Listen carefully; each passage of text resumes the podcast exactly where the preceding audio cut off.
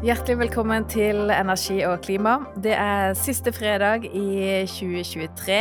Vi skal oppsummere året sett fra Brussel, og også se litt frem mot hva som venter i 2024. 2024 det er et eh, valgår i EU, og det som nå er et eh, historisk grønt europaparlament, kan komme til å bli litt mindre grønt etter valget i juni. Flere målinger og prognoser viser at de nasjonalkonservative og høyreradikale partiene ligger an til å gjøre et veldig godt valg, mens De grønne taper. Hva det betyr for Europas grønne skifte, skal vi snakke om i denne podkastepisoden. Mitt navn er Kirsten Øystese, og Energi og klimas Brussel-korrespondent Alf Olas kan ha også tatt en pause fra juleferien. Velkommen. Takk skal du ha. Du, 2023, hvis vi da konsentrerer oss om energi- og klimapolitikken i EU, sånn som vi pleier å gjøre, hvordan eh, vil du karakterisere året som vi er i ferd med å legge bak oss? Det har jo vært eh, kanskje to ting som, som, er veldig viktige. Det ene er at man har klart å holde denne enigheten når det gjelder eh, sanksjonene mot Russland. Eh, det har vært veldig viktig for det totale samholdet i EU, og dermed også viktig for at man har klart å få gjennom et veldig stort Nå nesten er helt ferdig med å få gjennom eh, den lovgivningen som skal til for det grønne skiftet, både når det gjelder denne Fit for 55-pakkene, eh, eller pakken, og eh, en lang rekke andre direktiver. Det er jo noe sånt som over 70 lovforslag som utgjør det totale grønne skiftet i EU, og nå er veldig veldig mye av det igjennom rent formelt. Så det har nok vært eh, to viktige ting for, for 2023. Eh, ja, Hva betyr det? Det betyr at nå er rammeverket på plass. Det som gjenstår, og som vi skal snakke om litt framover, det er jo eh, det man på EU-dialekt kaller implementeringen, altså gjennomføringen av dette. Det skal inn i nasjonalt lovverk. EU-landene skal nå de klimamålene som de nå har satt seg. Eh, og det viser seg jo eh, kan bli problematisk. Det kom noen tall like før jul her om at man ikke ligger an til 55% kutt i 2030, men bare 51 og, eh, Så nå, nå presser kommisjonen på for at medlemslandene da skal akselerere eh, gjennomføringen, eh, utplasseringen av fornybar energi, energisparing osv. Eh, så da gjenstår det å se eh, hvordan man eh, klarer det. Men dette møter nå noen hinder, kan man si, ikke minst blant folk flest i EU. Mm. Og i løpet av 2023 så har vi jo snakka mye om disse lovforslagene og direktivene som ligger under Fit for 55, som du sier, det er en, en rekke direktiver og lovforslag som nå er banka igjennom. Hvis du skal trekke frem de som betyr mest, da, og som har mest å si for energi- og klimapolitikken, hva er det? Ja, Det spørs jo nær sagt hvilke sko du har på deg, det, Kirsten. For det er klart, Eh, for vanlige folk så vil jo eh, energibyggdirektivet f.eks. Eh, være noe av det som griper mest inn i deres hverdag. For industrien, for tungindustrien, er det jo denne karbontollen som man nå allerede har startet prøvekjøringen av, som ligger der. Er du innenfor skogbruk, landbruk, så er det jo denne LULUSUF, altså hvordan skog, landområder tar opp CO2, som, som, som, vil være viktig. Så det her er nok litt forskjell på, på, på uh, hvor, du, hvor, du, faktisk eh, står, men det er jo et bilde på hvor enormt omfattende eh, denne lovgivningspakken rundt det grønne skiftet er. Mm. Og I Norge så har vi jo hatt en eh, ganske stor interesse rundt kjernekraft, og 2023 er jo det året der Tyskland stengte ned sitt siste kjernekraftverk. Mens Frankrike kanskje er den som vant kampen om kjernekraftens rolle, kan, kan vi si det? Ja, ehm, jeg satt akkurat og tenkte på det før vi gikk på lufta her, at da jeg begynte i denne jobben i sommeren 2021 og skrev de første sakene om nyorienteringen for kjernekraft i, i EU, så var det mange som rynka litt på nesa og sa liksom, men er dette her noe egentlig å, å, å mase med? Og i dag ser vi at uh, atomkraften har vunnet terreng i EU, eller kanskje riktigere å si at de landene som har valgt å ha atomkraft, har fått en større aksept i, også i land, blant land som ikke har atomkraft, om at den har en rolle å spille framover dersom du skal nå klimanøytraliteten. Det var det nok ikke så mange som forutså. Eh, Frankrike har vært helt, helt avgjørende for dette, fordi det er det største atomkraftlandet Eh, i Europa, kanskje eh, når det gjelder eh, andel atomkraft, den som har mest i hele verden. Men det er helt klart, se på svenskene f.eks., som nå har undertegnet en avtale med, med franskmennene om et strategisk samarbeid om atomkraft, som nå planlegger å ha på plass et par nye store reaktorer allerede i 2030. En betydelig utbygging fram mot 2040. Flere av de andre atomkraftlandene som Eh, var på den samme linja som Tyskland, nemlig å avvikle sin atomkraft, har nå forlenget den. Belgia f.eks. Har, har gjort det for sine, for sine, to nyeste reaktorer. Så man ser at atomkraften, også i kjølvannet av energikrisen, er blitt viktigere for en lang rekke land i Europa. Mm. Betyr det noe for Tyskland at de så å si tapte kampen om, eh, om, forståelsen av hvilken rolle kjernekraft eh, skal ha fremover? Nei, det har i hvert fall ikke, slik jeg oppfatter det, skapt noen ny debatt om kjernekraft i Tyskland. Det har det ikke. Men Tyskland har forsøkt å bremse all, øh, den franske entusiasmen for kjernekraft og franskmennenes for, mange forsøk på å putte inn noen formuleringer om kjernekraft rundt forbi.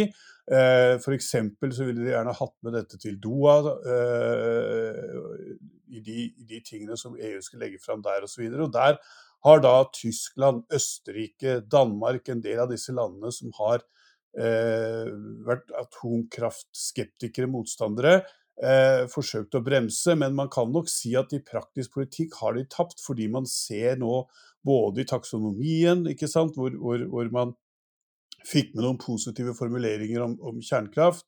Eh, og man hadde det sammen, ser man nå i for, forbindelse med fornybardirektivet osv. Og man ser at franskmennene, nå som man i EU skal sette nye mål for å kutte utslipp i 2040, jobber for at man da skal uh, få uh, enda mer positive formuleringer rundt uh, kjernekraft. Så det er sannsynligvis en sak som også kommer til å være debatt om i 2024. Ja, og en av de tingene som kommer til å bli spennende her, det er at nå vil det jo snart komme opp i Europadomstolen eh, denne saken som Østerrike med hjelp av noen andre, og ikke minst en del klimaorganisasjoner, har anlagt mot EU. Fordi de mener at ikke minst dette med at man åpner for at kjernekraft Eh, kan eh, komme innafor å være bærekraftig investering i denne taksonomien, at det er i strid med, med liksom grunnleggende eh, ting i klimapolitikken i EU. Så får man se hvordan den rettssaken ender. Det er ikke så mange som levner de så store håp om å få medhold i det, i det for de har prøvd seg på lignende eh, rettssaker tidligere. Men, men, det viser i alle fall at uh, vi kommer til å snakke mye om kjernekraft, du og jeg, i uh, eh, 2024. Mm. Men så er det også valgåret i 2024. Eh, hva betyr det for annen politikk når, når det er et valgår? Ja, Det betyr at uh, nå har vi egentlig bare veldig få måneder igjen før jeg hadde nær sagt deler av, av, beslutningsmaskinen i EU går inn i en slags lockdown, fordi da starter valgkampen. Det er valg i juni, eh, og det betyr at eh, det man ikke har fått gjort før påske, for å si det eh, litt enkelt, det kommer man ikke til å få gjort. Så det haster med, med f.eks. For disse trilogene, hvor da parlamentet og, og rådet ved hjelp av kommisjonen skal forhandle seg fram til den siste avgjørende lovteksten i en del av også saker som gjelder det grønne skiftet. Der må de nå uh, rushe på og bli uh, ferdig uh, i løpet av noen korte vintermåneder. og det blir belgierne som nå overtar formannskapet i EU fra, fra nyttår av. Og så blir det jo da Ungarn som skal være presidentskap til høsten. Og man er vel da litt opptatt av at man får gjort mest mulig før, før det skjer. Mm. Hvordan ser det ut i forhold til å rekke, rekke alt som i utgangspunktet bør være vedtatt før påske? Ja, Det ser ikke så dårlig ut, fordi eh, det spanske formannskapet, som jo har hatt det problemet at de hadde valg bare et par uker etter at de overtok i sommer, og har ennå ikke fått på plass en regjering. Men det har vist seg at, for, at formannskapet deres har vært forholdsvis eh, effektivt når det gjelder å få igjennom saker. Men så ligger det da en del eh, saker i disse forhandlingene, ganske store eh, saker, som nå skal, skal igjennom, gjennom kverna. Det gjelder alt fra f.eks. Uh, utslipp uh, av kloakk, som, uh, som, de nå forhandler, uh, forhandler om, til, til forhandlinger rundt denne loven om kritiske råvarer og EUs hvordan man skal bygge opp en nullutslippsindustri i EU. Så det er fortsatt ganske store saker som, som, ligger, som ligger der. Men la oss eh, snakke litt om valget, for eh, ved forrige valg så gjorde De Grønne det historisk godt. Nå viser eh, prognoser at de, den grønne partigruppa kan bli redusert fra 72 til 47 mandater. Vi må snakke litt om hva det betyr, men først bare fortell hvordan partisammensetningen i Europaparlamentet er, og, og forklar hvem De Grønne er. Ja, De Grønne er jo eh, stort sett partier eh, som er, som du kan si er søsterpartier til MDG. Eh, det er på en måte deres søsterpartier rundt om. Så er det noen sånn tidligere Sosialistisk Folkeparti-type partier som, som, også har meldt seg inn der, men stort sett er dette her eh, grønne partier eh, i, i, Europa. Nei, eh, Europaparlamentet, altså Den største gruppa i Europaparlamentet er det du kan kalle for uh, sentrum-konservative. Uh, det kalles European People's Party, Europeiske Folkepartiet. Der er KrF og Høyre uh, medlemmer fra, fra Norge. og det er på en måte da litt sånn sentrum-høyre-koalisjon. Det er det største partiet. Det nest største det er den sosialdemokratiske gruppa, eller gruppen av, av, av eh, demokratiske sosialister, kan du si, eh, som er Arbeiderpartiets søsterpartier eh, rundt omkring i Europa. Og så har du en ganske stor gruppe som kan kalles sånn sentrum-liberale. Eh, den ble mye større sist, fordi der meldte Macrons parti eh, seg inn. Eh, men der har du liksom hatt det lille tyske liberale partiet. Dette er nok en partigruppe som Venstre i Norge ville, ville føle seg eh, mest eh, hjemme i. Og så eh, har du da en gruppe som har vært litt uensarta.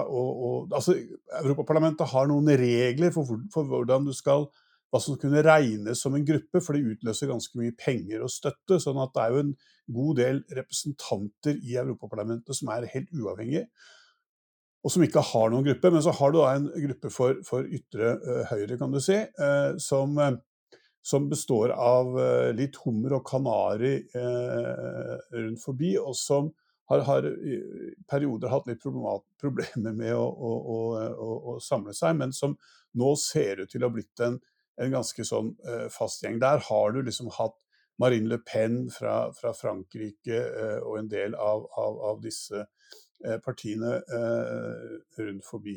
Det er nok liksom mange måter den, den eh, Ja, så har du selvfølgelig hatt en, en, en venstregruppering til venstre for Sosialdemokratene, som liksom er SV, kan du si, der nede, hvor, hvor, hvor, du har hatt noen sånn som Enhetslisten i Danmark eh, osv. Som, som har ligget der. Det er nok det grove bildet av, av Europaparlamentet, som består over litt over 700 Eh, medlemmer, og som jo er veldig interessant å følge fordi det er den eneste folkevalgte europeiske forsamlingen hvor du også da får inn mange av disse ulike strømningene som fins i det politiske lappebildet i uh, lappeteppet i Europa.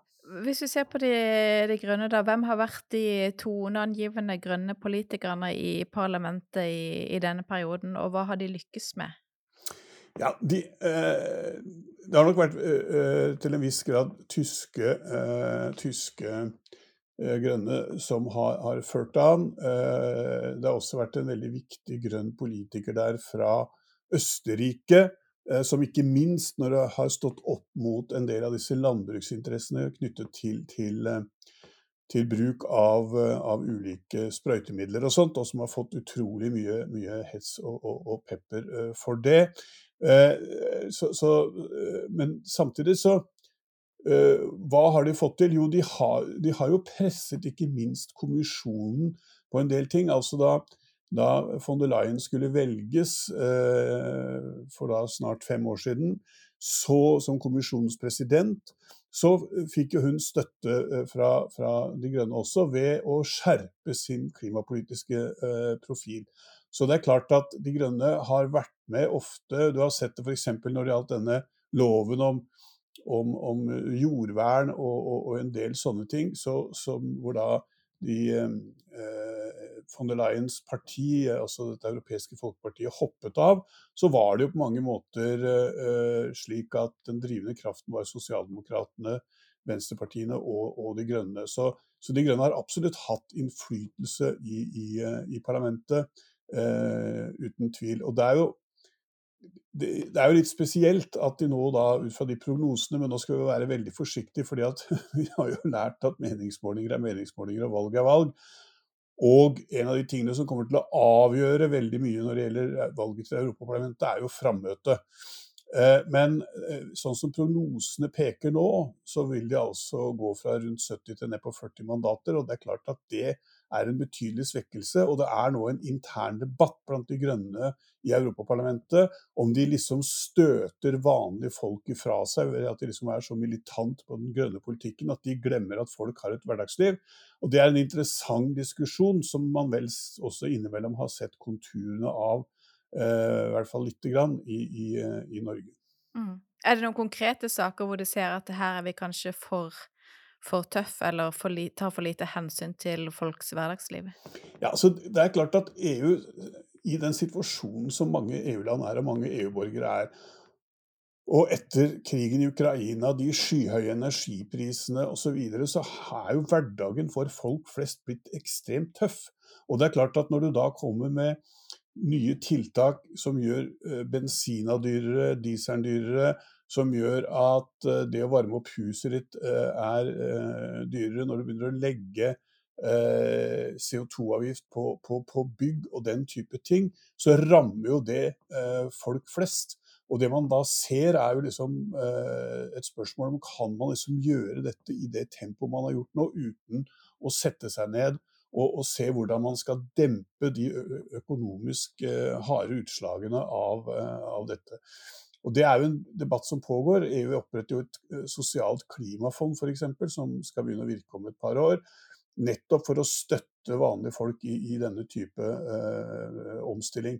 Eh, så, så, dette er absolutt en debatt. Men samtidig er jo sånn i, i, EU som det er i Norge, at det er mange sterke næringsinteresser som roper på subsidier. Alle vil ha igjen Altså, De som nå skal betale CO2-avgift, vil jo gjerne ha det, pengene tilbake til å finansiere sin egen innovasjon og sånn. Og det er klart, alle kan ikke få pengene tilbake dersom eh, man skal hjelpe noen av de svakeste til, eh, til eh, å, å, møte de utfordringene som det grønne skiftet gjør. Så her, her, kommer det til å stå noen politiske slag. Problemet nå, og som en del folk har advart mot, er at man ser at langt inn i de etablerte partiene, ikke minst innenfor EPP, eh, altså de konservative, så ser man liksom nå en tendens til eh, at de går ut og sier at man må nå kanskje ta en liten pause i reformen og holde litt igjen, fordi at eh, særlig småbedrifter og vanlige folk da ikke, ikke klarer omstillingen. Eh, det er liksom eh, Noen advarer mot det og sier at det er farlig, for hvis man først begynner å bremse dette, så når man ikke disse, disse klimamålene. På den andre siden så kan man si at hvis man taper valgene, så når man heller ikke klimamålene. Hvis man får en folkelig, eh, folkelig eh, opprør mot EUs klimapolitikk. Og det, er jo ikke, og det er ganske viktig å huske på, det er jo ikke bare valget til Europaparlament i juni som er viktig. Det er, altså, det er alltid et valg i EU, det er jo det som gjør denne organisasjonen veldig spesiell. Og, og i 2024 så skal det altså være valg i Portugal, Slovakia, Belgia, Litauen, Kroatia, Østerrike og Romania. Så det kommer til å være en rekke valg hvor vi her kan se hvordan f.eks. krefter som, som er, eh, gjerne vil bremse det grønne skiftet, hvorvidt de vinner fram eller ikke. Mm. Hvis vi ser på hva som er annerledes nå enn ved forrige valg, for som sagt så var det et eh, historisk godt valg for de, de grønne sist. Hvem var det da som stemte på De grønne, og hvorfor? Nei, altså Grønne velgerne er jo uh, stort sett uh, ganske like overalt. De er jo Eh, og det er jo litt av det grønne skiftets problem, da, at dette ser ut til å være litt sånn middelklassen eh, sitt, sitt uh, prosjekt, for å si det, si det litt flåsete. Eh, eh, og, og, det er klart, liksom, det, det, det, er jo det er folk med utdanning, urbane mennesker, som, som nok i veldig stor grad stemte på de, på de grønne rundt forbi. det er nok, er nok riktig. Og Hvem er det da de nå er i ferd med å, å miste, og, og, hva er grunnen til det? Nei, altså Det er økonomien. Og det er klart at en, en, del av de som eh, bor i byer, en del av de unge menneskene som stemte på dem, en del av de er, er vel nå i ferd med å stifte familie og, og, og, møter en helt annen økonomisk realitet enn det de gjorde som studenter, og, hvor de kunne danse litt barbeint i gresset, kysse og hygge seg. Nå er den tiden over. Nå er det bleieskift og barnehager og, og, og så videre. Ikke sant? Så, så, så, jeg tror det er litt sånn. Det, selv grønne velgere blir vel eldre etter hvert. Eh, eh, og sånn. Så, så, noe av dette har det. Og det, og det er klart at eh, jeg vil tippe at pandemien eh, nok kan ha slått inn her, eh, ikke sant.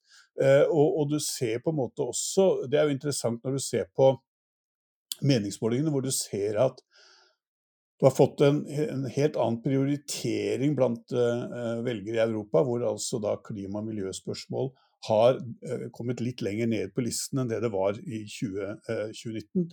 I 2015 var det jo innvandring, ikke sant. 2014-2015 flyktningbølger osv. I, I 2019 så, så var det mye mer et, et miljøvalg.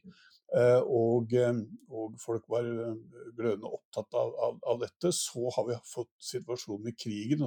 Først Ukraina, nå Gaza, Uh, som gjør at liksom eh, ufred i verden og den økonomiske situasjonen og, og, usikkerheten har liksom kommet høyere opp enn en klima. Klimadebatten synes litt langt borte. Og så tror jeg det er én ting til som også har råket eh, Eh, miljøpartiene, det er at de har på en måte blitt veldig sånn ensakspartier, mens verden nå ser litt mer komplisert ut. Og du har sett at særlig i Europaparlamentet så har jo mye av klimapolitikken blitt vedtatt med ganske bredt flertall. Altså den har nok blitt mer alminneliggjort. Sånn at hvis, om du liksom eh, De grønne partiene er litt mer for klima enn eh, mange av de andre, så tror jeg folk flest ikke oppfatter den forskjellen eh, som så stor eh, i det daglige. Det er jo målinger som tyder på, på, eh, på, dette, og at når det da kommer andre saker opp på den politiske dagsorden, så forsvinner da disse partiene i skyggen. Men hvor blir det av da, hvis, hvis De grønne taper, eh, taper oppslutning? Hvor går velgerne da? Nei, det, eh, Jeg har ikke sett noen gode målinger på hvor det går. Jeg vil tippe at en del setter seg på, på gjerdet. Eh, men det kan nok også tenkes at en del da vil gå til, til partier til, eh, til, venstre, som jo i noen land ligger an til å, til å gjøre det ganske, ganske bra. Men det som er, jo, som er et trekk, er jo også at liksom, du ser jo også hvordan de store, tunge, gamle folkepartiene, altså det moderate Høyre og Sosialdemokratene, også sliter i mange land. Eh, og eh, det blir også spennende å se om du liksom får et parlament hvor da disse sentrum-venstre, sentrum-høyre-partiene fortsatt liksom vil ha et betydelig flertall, eh, eller ikke. Så, så foreløpig så er jo dette her egentlig litt sånn å snakke og spå litt sånn løst om framtida, men, men, det er klart at du kan komme til å få et mye mer fragmentert også Eh, parlament enn det du eh, har i dag. Mm. Hva vil det i så fall bety da, hvis vi både får et mindre grønt og mer fragmentert eh, parlament?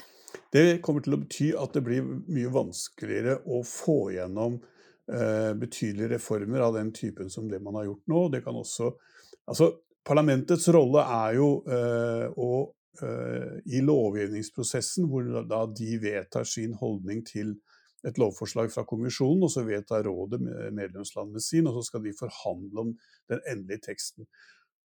Og det er klart at Får du et mer fragmentert eh, parlament, så kan det bli vanskeligere å skape flertall for uh, lover, og det kan bli vanskeligere å få til forhandlingsløsninger.